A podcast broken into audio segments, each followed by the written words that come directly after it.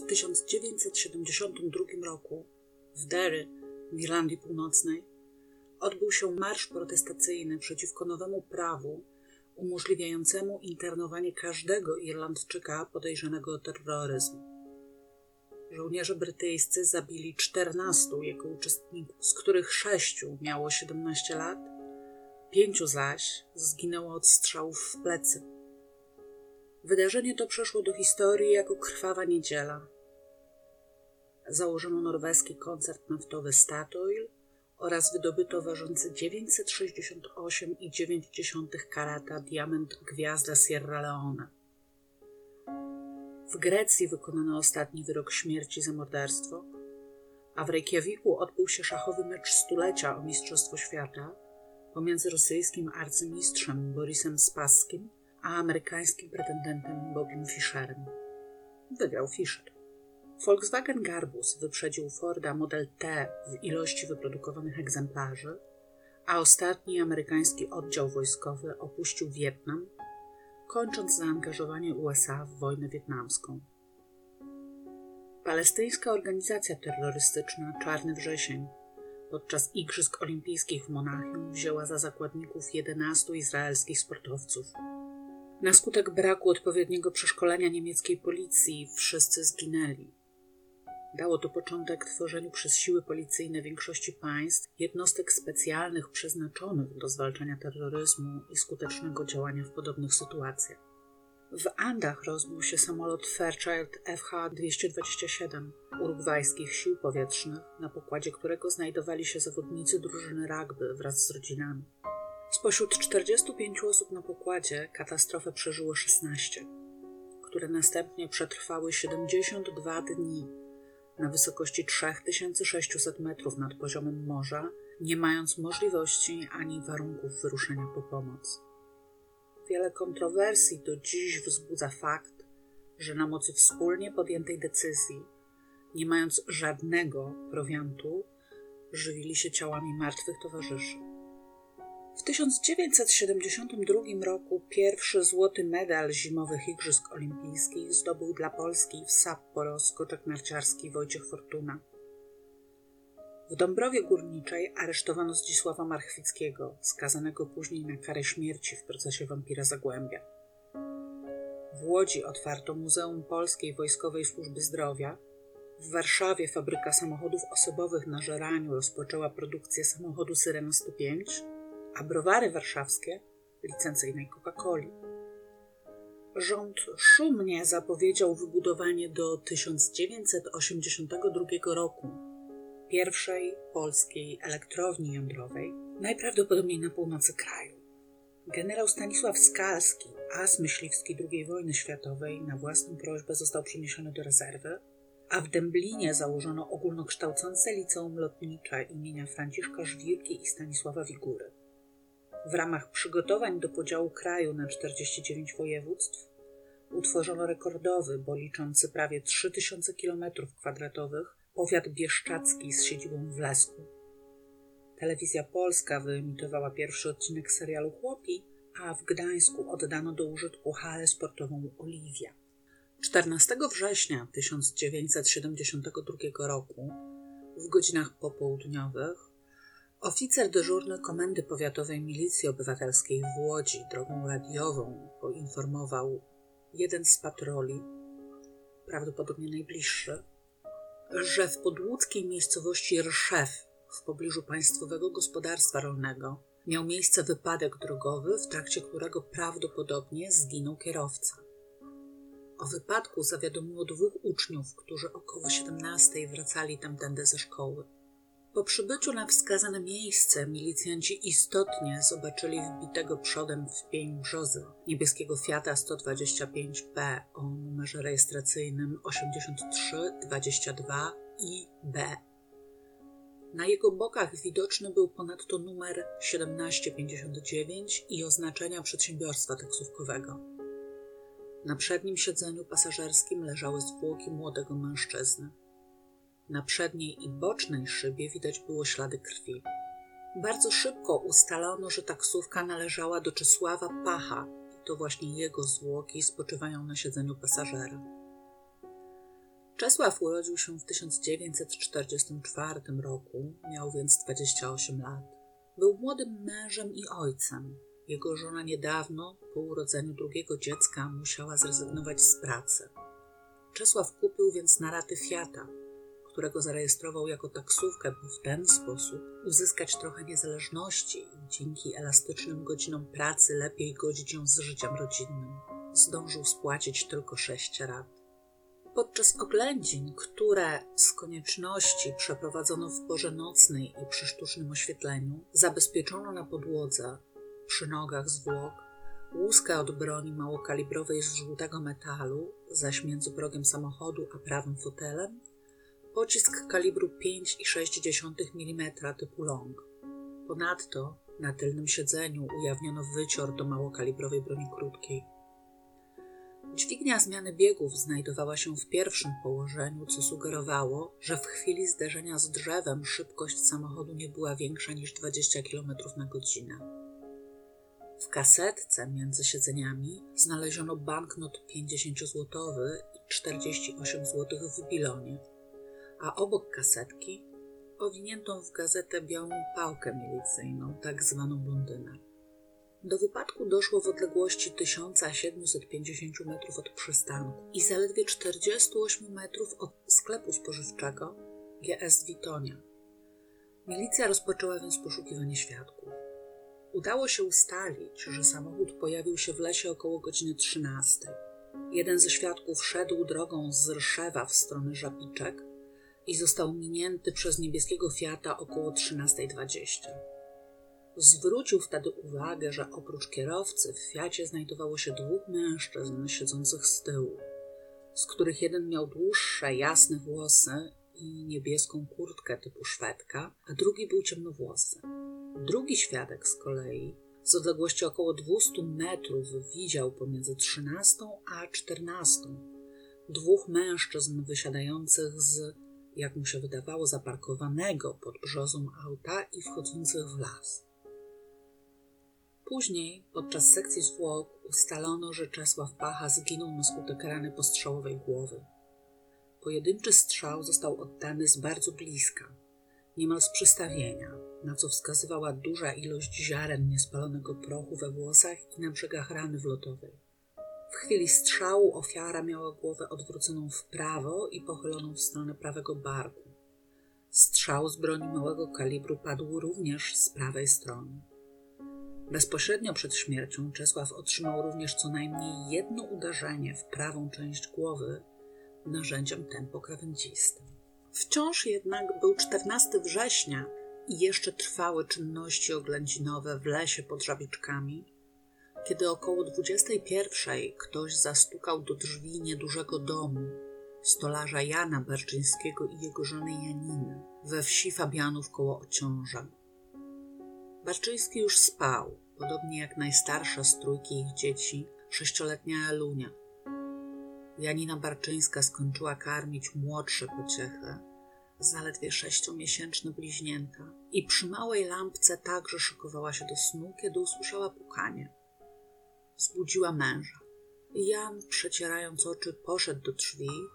Żona usłyszała, jak otwiera je, a potem zaraz zamyka. A potem usłyszała huk. Janina pobiegła do drzwi i zobaczyła słaniającego się na nogach męża, a obok niego obcego mężczyznę, który teraz do niej celował z długiej broni. Wtedy zrozumiała, że przed chwilą padł strzał i jej mąż jest co najmniej ranny. Mężczyzna z bronią zażądał pieniędzy i jedzenia, a kiedy przestraszona Janina zaczęła się cofać, chwycił ją za rękę, wykręcił i ściągnął z palca obrączkę. Dopiero wtedy w ślad za pierwszym wszedł do domu drugi mężczyzna, również mierząc do Janiny z broni, tym razem z pistoletu. Przerażona Barczyńska zaprowadziła intruzów do spiżarni, gdzie dała im konserwę i bochanek chleba. Pierwszy mężczyzna, do którego towarzysz zwrócił się poruczniku śmigły, sam otworzył sobie szafę w pokoju i zabrał z niej płaszcz, kilka koszul a także schowane między ubraniami dwa tysiące złotych. Barczyńska przytomnie poprosiła, żeby nie zabierał całej kwoty, żeby zostawił coś na lekarstwa dla dzieci. Oddał jej wtedy 200 złotych i obrączkę, śmiejąc się, że ma zbyt dobre serce. Pytał też o męża, czy ma legitymację partyjną i fuzję. Janina odpowiedziała, że mąż jest stolarzem i nie ma żadnej broni.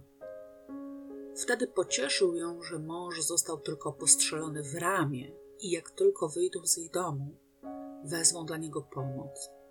Do swojego towarzysza zwracał się sierżancia albo jaguar.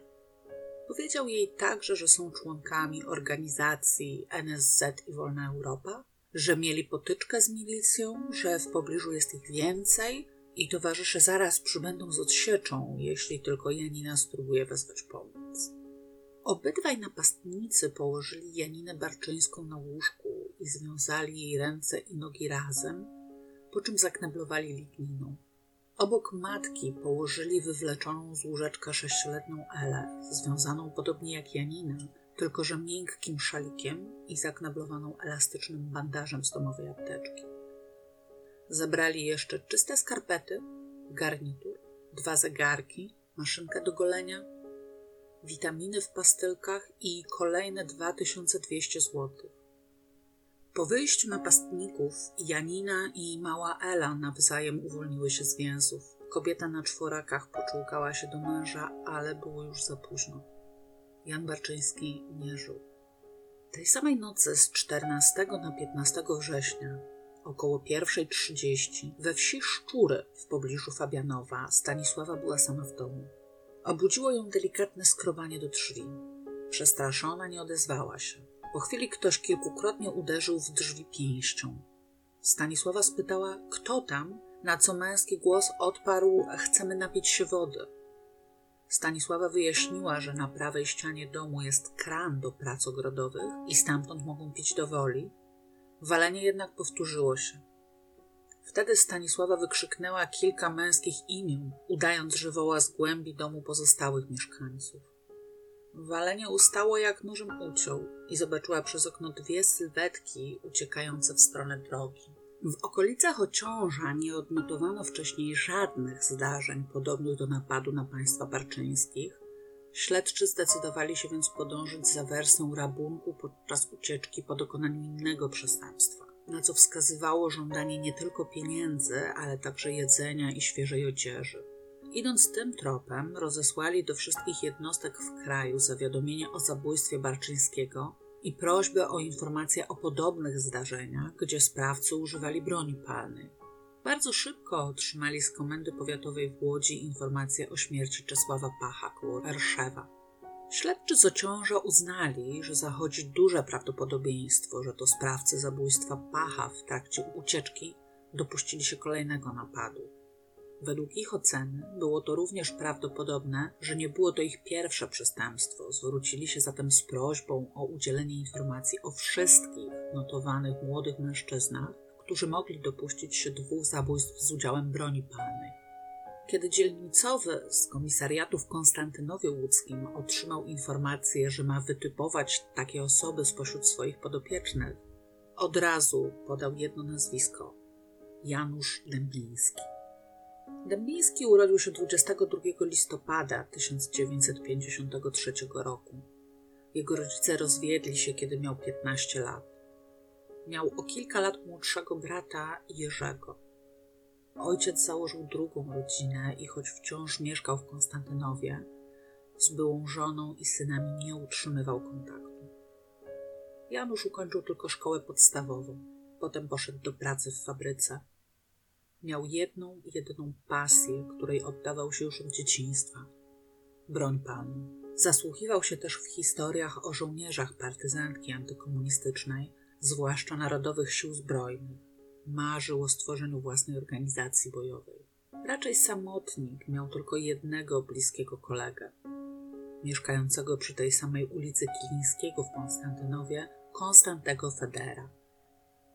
16 września, podczas przeszukania w domu matki, u której mieszkał, znaleziono w murowanej komórce kompletne oprzyrządowanie do montowania broni własnej konstrukcji, tzw. Tak wówczas samopałów, dwie świece dymne, siedem białych kartek ze stemplem Narodowe Siły Zbrojne, dziewięć białych kartek ze stemplem nakaz rewizji wydany przez oraz egzemplarz Mein Kampf. Przyjaciel Dębińskiego, Konstanty Feder, urodził się 8 października 1954 roku, był więc od niego o rok młodszy i również pochodził z niepełnej rodziny. Jego matka zmarła, gdy miał 9 lat, a ojciec, znany w Konstantynowie alkoholik, często urządzał sobie na dzieciach treningi bokserskie.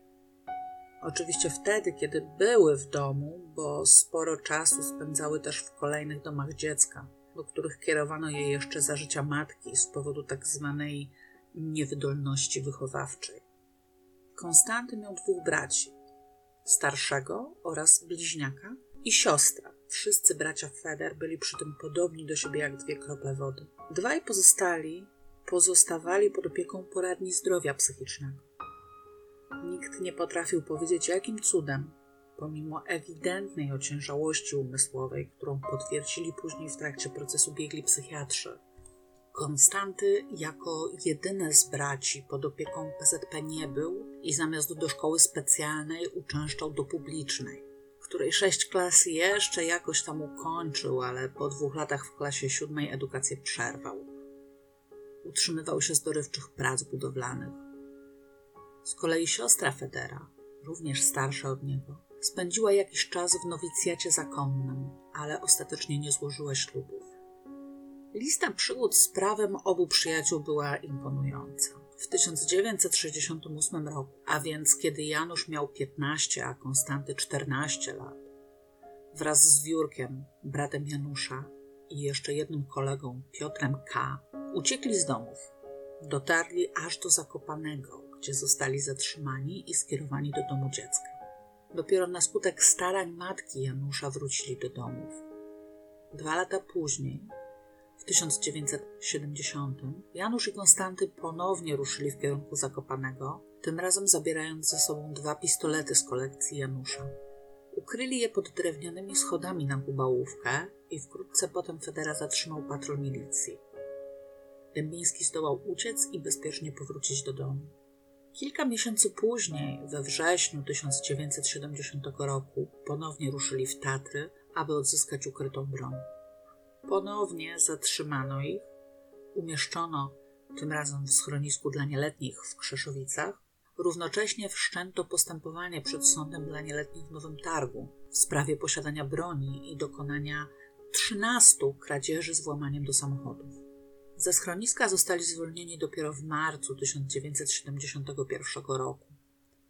Zaledwie kilka tygodni po powrocie do domów podjęli próbę napadu rabunkowego na urząd pocztowy w Konstantynowie. Rzecz cała miała odbyć się jak na znanych wszystkim filmach. Maski z pończoch na głowach, broń w dłoniach. Feder na wszelki wypadek wziął jeszcze kuchenny nóż, którym nerwowo wymachiwał. Plany popsuła im jednak pracownica urzędu, która dostrzegłszy ich, podniosła krzyk. Zdołali uciec. Nie poddali się jednak i kilka dni później, pod nieobecność właścicieli, okradli prywatne mieszkanie. Zrabowali wówczas jedno futro i 500 zł. Wkrótce potem Dymniński wraz ze starszym kolegą noszącym niewiadomego pochodzenia mundur milicyjny, niejakim Adamem K., wyłudzili od mieszkającej przy ulicy Brus w Konstantynowie bimbrowniczki 2000 zł w zamian za niepodjęcie oficjalnego śledztwa w sprawie nielegalnego pędzenia i sprzedaży napojów spirytusowych. W marcu 1972 roku Janusz Dębiński został skazany na rok pozbawienia wolności w zawieszeniu za nielegalne posiadanie broni oraz przypadkowe postrzelenie z niej jednego z braci Federów. W różnych źródłach pojawiają się różne informacje co do tego, czy był to Konstanty, czy któryś z pozostałych braci. Nie udało mi się niestety potwierdzić żadnej wersji tożsamości ofiary. Dębiński do sprawy przebywał przez trzy miesiące w areszcie. Po wyroku, nie niepokojony przez nikogo, wrócił do Konstantynowa. Janusza i Konstantego połączyła podobna sytuacja rodzinna.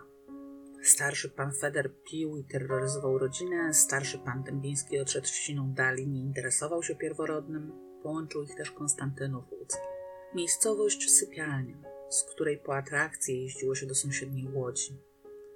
Oczywiście wtedy, kiedy nie umiało się ich zorganizować samemu, a nie mający żadnych specjalnych zainteresowań Janusz i Konstanty, których nie ciągnęło ani do nauki, ani do sportu, a jedynie do założenia tajnej organizacji i używania broni, bez wątpienia nie potrafili. Dla nich Konstantynów musiał być królestwem nudy.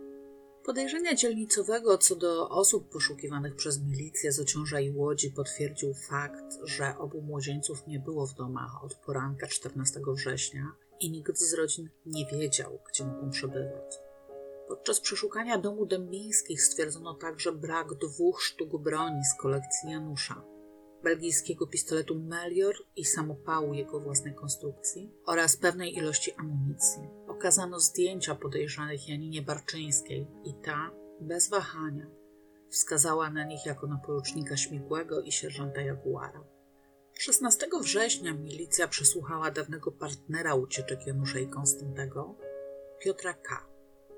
Zeznał on, że w marcu 1972 roku po raz pierwszy zobaczył w domu Dębińskiego narzędzia do konstrukcji samopałów i broń własnej produkcji. Był też obecny podczas przypadkowego postrzelenia jednego z braci Federów, za które Dębiński miał potem sprawę karną. Jeszcze przed jego aresztowaniem obaj, Janusz i Konstanty, zaczęli namawiać Piotra, żeby pomógł im w zdobyciu samochodu Plan zakładał zamówienie kursu taksówką z Łodzi do Rszewa, gdzie w umówionym punkcie czekałby już Piotr z pistoletem. Taksówkarz zostałby uduszony i zakopany w lesie, a Dębiński i Feder odjechaliby jego samochodem. Nigdy nie powiedzieli Piotrowi dokąd. Kiedy zaś im odmówił, przestali w ogóle dzielić się z nim planami. W ocenie Piotra to Janusz był szefem. Imponował od Konstantemu i lubił popisywać się swoim okrucieństwem. Podobno łopatą zabił kota, a potem zastrzelił psa, odciął jego głowę i szukał w niej pocisku. Mam szczerą nadzieję, że tylko podobno. Ale Piotr przyznał się, że kiedyś pomógł Januszowi złapać psa sąsiadów i udusić go linką, a następnie utopić w studni. Wiecie, dopiero jak czytam takie rzeczy, uświadamiam sobie, że ustawowa ochrona praw zwierząt to jest jednak skarb. Tego samego 16 września do wszystkich jednostek MO i placówek Służby Ochrony Kolei w kraju rozesłano komunikat o poszukiwaniach nadzwyczajnych Dębińskiego i Federa. Około 23 na stacji w Domaszewicach na trasie z Namysłowa do Kluczborka pewien pasażer oczekujący na pociąg wdał się w przypadkową, nic nieznaczącą wymianę zdań z dwoma młodymi ludźmi, którzy znajdowali się w poczekalni razem z nim. O tak późnej porze na tak małej stacji spotkanie się trzech oczekujących było rzadkością. Młodzieńcy nie byli jednak chętni do rozmowy i po prostu zbywali próby nawiązania kontaktu. Pasażer poczuł się zaniepokojony ich zachowaniem i po przyjeździe do Jarocina zdecydował się wejść do wartowni SOK. Ku swojemu przerażeniu na tablicy, zaraz nad głową dyżurnego, zobaczył zdjęcia dwóch młodych ludzi z poczekalni w Domaszewicach.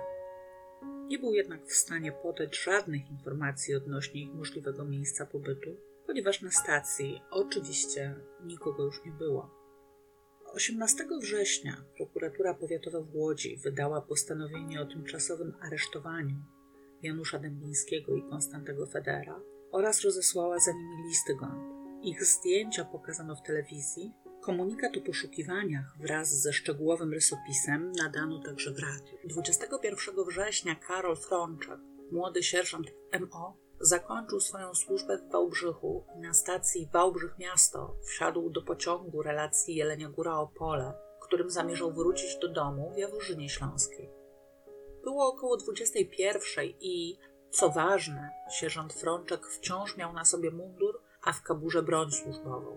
Wsiadł do przedziału drugiej klasy, którym jechało dwóch mężczyzn.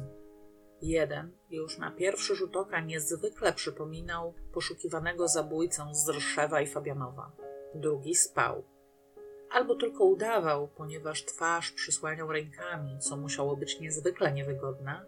Poza tym w pewnej chwili sierżant zobaczył za jego dłońmi błysk otwartych oczu. Pierwszy mężczyzna, kiedy poczuł na sobie czyjś wzrok, Wstał i powoli wyszedł na korytarz, gdzie zaczął zapalać papierosa. Kiedy pociąg zbliżał się do stacji w Jaworzynie Śląskiej, Frączek postanowił dokonać zatrzymania obu mężczyzn. Było to mocno ryzykowne, ponieważ nie mógł liczyć na żadną pomoc w momencie zatrzymania. Natomiast Jaworzyna była dużą, węzłową stacją i miała zarówno wartownię SOK, jak i kolejowy komisariat milicji.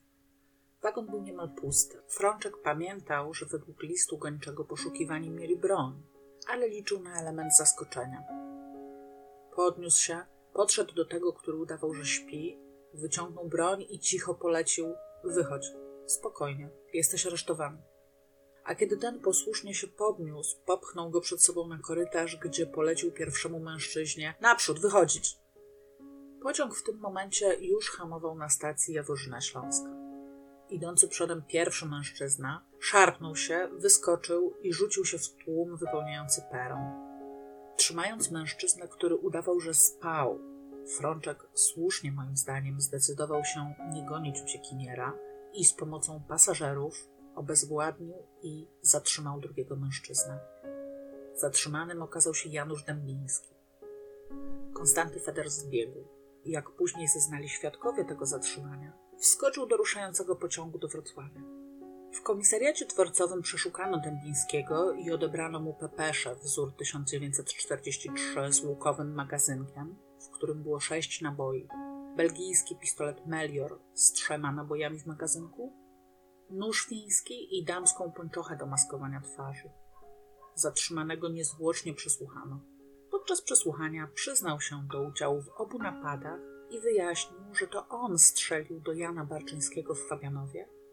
Czesława Pacha pod Rszewem zabił natomiast Feder. Konstanty Feder ukrywał się przez pięć kolejnych dni. Dopiero 26 września wieczorem wszedł na podwórze gospodarstwa we wsi Tarnawa w powiecie świdnickim. Był wyraźnie zmęczony, miał na sobie brudne ubranie z resztkami siana. Bardzo grzecznie spytał, czy mógłby dostać coś do picia. Dostał mleka, które zaczął łapczywie pić. Gospodarzowi zrobiło się go żal i zapytał, czy nie jest aby poszukiwany przez milicję. Nie pamiętał o liście gończym, po prostu tak mu się skojarzyło zachowanie nieznajomego. Ten jednak zaprzeczył. Wtedy gospodarz zaprosił go do kuchni, gdzie postawił przed nim jedzenie i zaczął dobrodusznie przekonywać, że najlepiej samemu się zgłosić, że nie warto się ukrywać, że to niepotrzebne ryzyko. Feder, jak pamiętamy, dość podatny na wpływ innych, zjadł, podziękował i poprosił o wezwanie milicji. Spokojnie oczekiwał na nią przez prawie półtorej godziny. Nie próbował uciekać. Był wciąż uprzejmy w stosunku do gospodarza. Po przyjeździe funkcjonariuszy poddał się, nie stawiając oporu, i dobrowolnie oddał im pistolet samopał oraz kilka sztuk amunicji do KBKS. Konstantego Federa przesłuchano po raz pierwszy dopiero po dwóch dniach, 28 września. Przyznał się do postawionych zarzutów i chętnie złożył wyjaśnienia, których ogólna treść zgodziła się z wcześniejszymi wyjaśnieniami Dębińskiego. Powód działania obu panów okazał się zaskakująco prosty. Otóż Janusz Dębiński i Konstanty Feder postanowili skończyć z nudą i pustką egzystencji w Konstantynowie Łódzkim i wyjechać do Republiki Federalnej Niemiec. Na ten pomysł wpadł Janusz, którego znajomy, niejaki Szarman, parę lat wcześniej wyjechał z Konstantynowa właśnie za Odrę i potem kilkukrotnie jeszcze przyjeżdżał i opowiadał o wspaniałościach zachodniego świata. Janusz postanowił, że również musi tych wspaniałości zaznać i szybko przekonał do swojego pomysłu Konstantego. Zamierzali go zrealizować kradnąc samochód i przedostając się nim najpierw do Czechosłowacji, później do RFN-u albo do Włoch. Dość niepokojący kierunek, biorąc pod uwagę znaleziony u Dębińskiego Mein Kampf. Nie planowali swojej wielkiej ucieczki. Spotkali się 14 września rano, żeby jak zwykle powłóczyć się czy postrzelać na łąkach wokół Konstantynowa. W pewnej chwili jednak Janusz wziął pistolet Melior, a Konstantemu dał samopał i 15 sztuk amunicji do KBKS-u. Tramwajem pojechali do Łodzi. Wspomniałam wam w odcinku Nie ma takiego miasta o łódzkich tramwajach podmiejskich. Do Konstantynowa i dalej do Lutomierska jeździła linia 43, której spora część trasy prowadziła malowniczym pojedynczym torowiskiem wzdłuż rzeki Ner. Obecnie linia jest zawieszona z powodu fatalnego stanu torowiska, ale nie tracimy nadziei, że jednak powróci. Ciekawostką tej linii jest bez wątpienia fakt, że kończyła się właśnie w Lutomiersku. ostatniej wsi w Polsce z własną linią tramwajową i super widowiskowym mostem tramwajowym nad Nerem. Dębiński i Feder ustalili, że znajdą taksówkę marki Fiat, bo to najpowszechniejsza i najmniej rzucająca się w oczy marka. Zamówią kurs za miasto, a po dojechaniu na miejsce steroryzują kierowcę bronią, odbiorą mu kluczyki i odjadą. Dębiński miał przy sobie 100 złotych, Feder 5.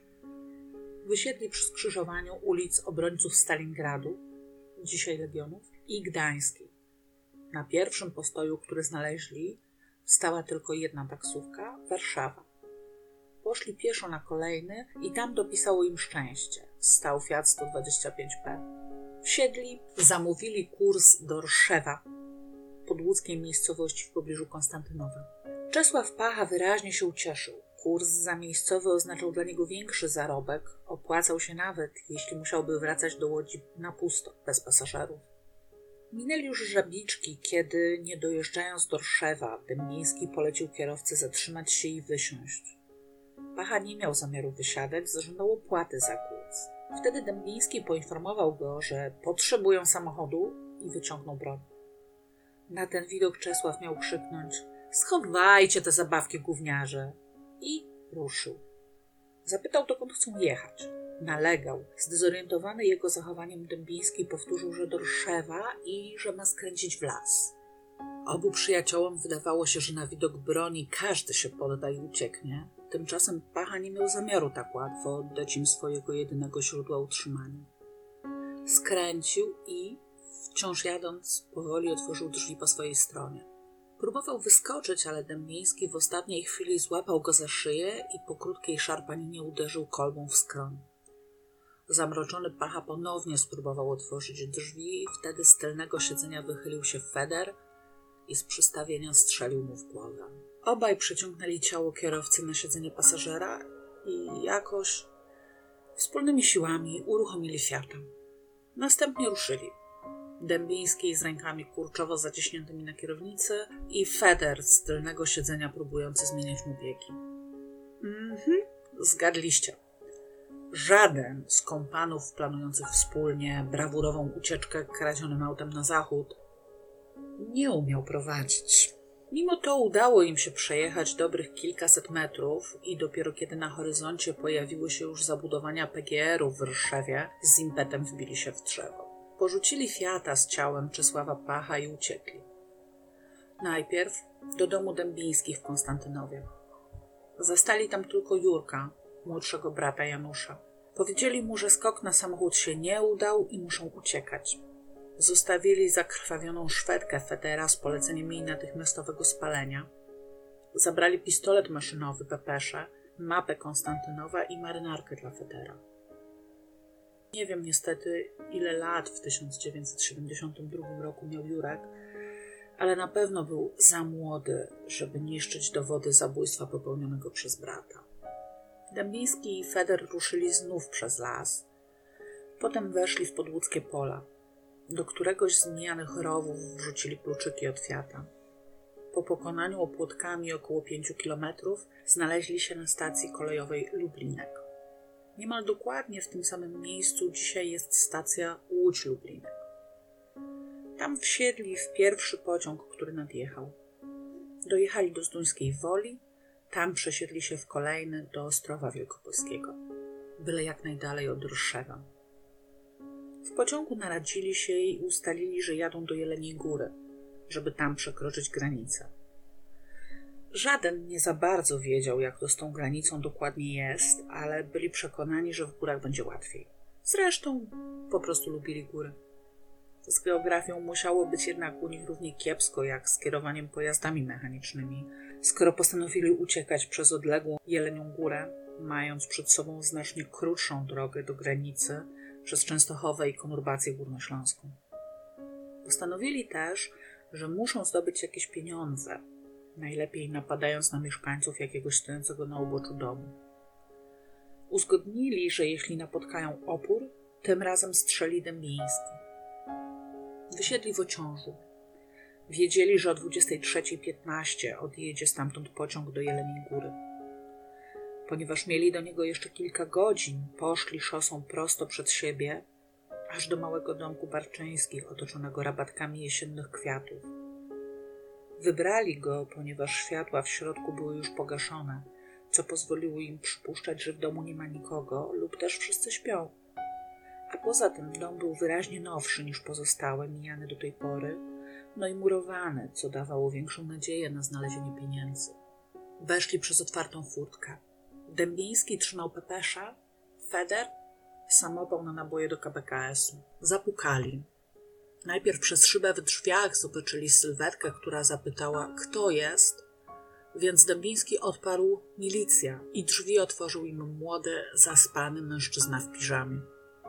Kiedy ich zobaczył, momentalnie próbował drzwi zamknąć, ale Dębiński zdążył zablokować je nogą. Wtedy mężczyzna w piżamie, Jan Barczyński, złapał za lufę pepeszy i wypchnął Janusza, zatrzaskując drzwi. Rozwścieczony Dębiński strzelił przez szybę w drzwiach i mężczyzna upadł. Kiedy weszli do domu, leżał na wznak, nie ruszał się, a na piersiach miał krwawą plamę. Dębiński zostawił pepeszę opartą o ścianę koło jego ciała, wyjął pistolet Melior, steroryzował nim panią Barczyńską i wziął się za przeszukiwanie domu. Zgodnie z planem złapali w ociążu swój pociąg. Następnego dnia około południa dojechali do Jeleniej Góry. Stamtąd pojechali dalej do Kamiennej Góry i przenocowali w Stogu Siana. Gdzieś po drodze zrobili duże zakupy i za skradzione Barczyńskim w sumie 4200 zł kupili jedzenie, koce, radio i farbę do włosów. 16 września Dębiński przefarbował jasne, rudawe włosy Federa na ciemno. Autobusem pojechali do Chełmska, ale na drodze było za dużo ludzi. Była sobota. Zaszyli się w lesie i przeczekali do poniedziałku. W poniedziałek około 15 ruszyli w stronę granicy. Doszli do Nieumyśla, gdzie kręciło się zbyt dużo żołnierzy, wrócili więc do Chełmska. Stamtąd pojechali do Górc, gdzie przenocowali. Po kilku nieudanych próbach zbliżenia się do granicy, 21 września wsiedli do pociągu do Jaworzyny Śląskiej, żeby spróbować szczęścia na nizinach. A w Wałbrzychu do ich, do ich przedziału wsiadł sierżant Karol Frączek. Po ucieczce z peronu w Jaworzynie Feder był przerażony.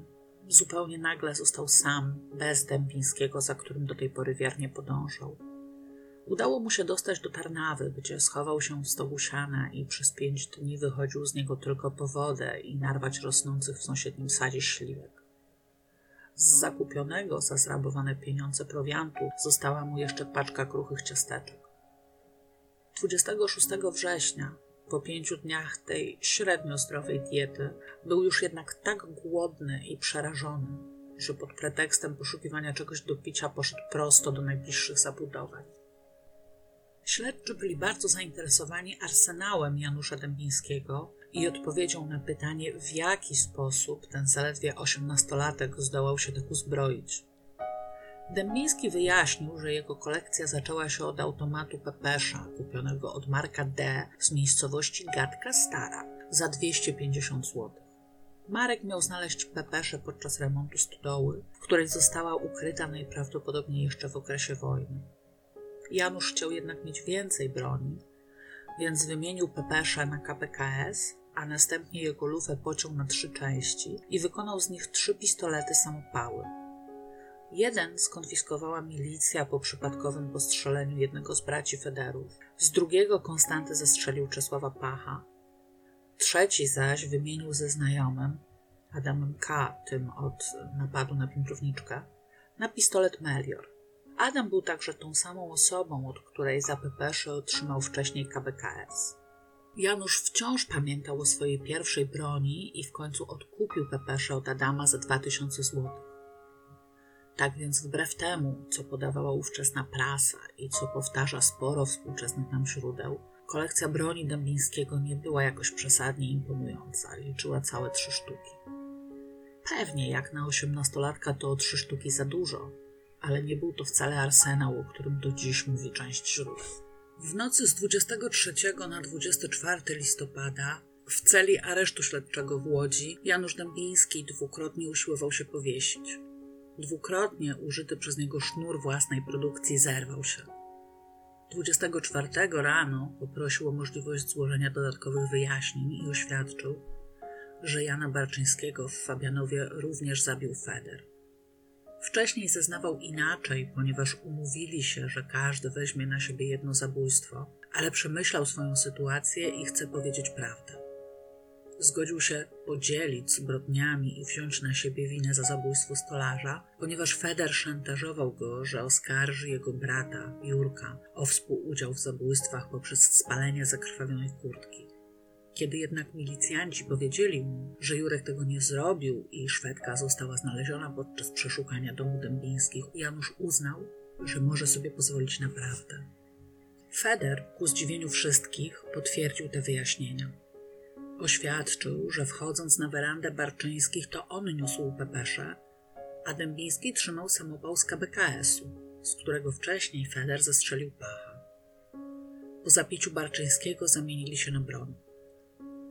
Po dwóch dniach jednak, 26 listopada, wycofał się z tych wyjaśnień, tłumacząc, że próbował chronić Dębińskiego, któremu, jako osobie pełnoletniej, za zabójstwo groziła kara śmierci. Po przemyśleniu jednak swojej sytuacji uznał, że nie może go chronić swoim kosztem i podtrzymuje pierwotne wyjaśnienia, iż to Janusz Dębiński zabił Jana Barczyńskiego strzałem z pepeszy oddanym przez szybę w drzwiach wejściowych. Wersję Federa potwierdziły zeznania pani Barczyńskiej, która z nieprawdopodobną dokładnością zapamiętała wydarzenia z nocy, w której zginął jej mąż i była pewna, że do ich domu jako pierwszy, natychmiast po strzale do męża wbiegł porucznik Śmigły, czyli Dębiński, wyraźnie zdenerwowany, i to on od razu wycelował w nią broń i zażądał pieniędzy. Jaguar, czyli Feder, wszedł dopiero po chwili i był wyraźnie spokojniejszy. Prawie się nie odzywał.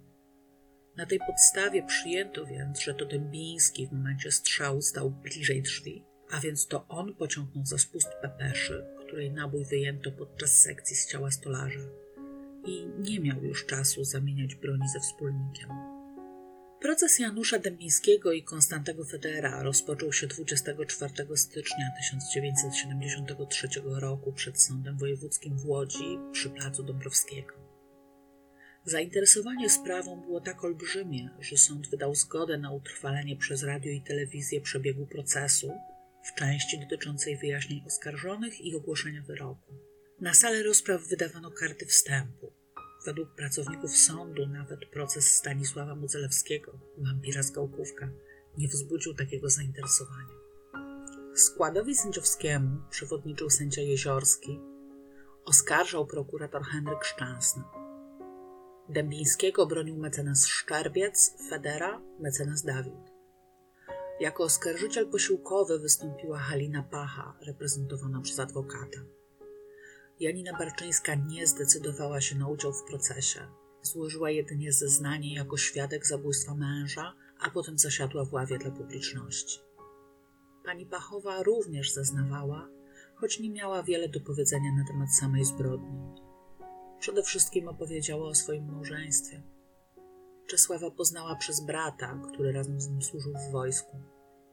Kiedy obaj młodzi ludzie rozmawiali o nudzie w koszarach i braku kontaktu ze światem, brat pani Haliny zaproponował Czesławowi adres siostry, żeby korespondencją umilić sobie czas. Początkowo nieśmiałe listy kursowały w obie strony coraz częściej.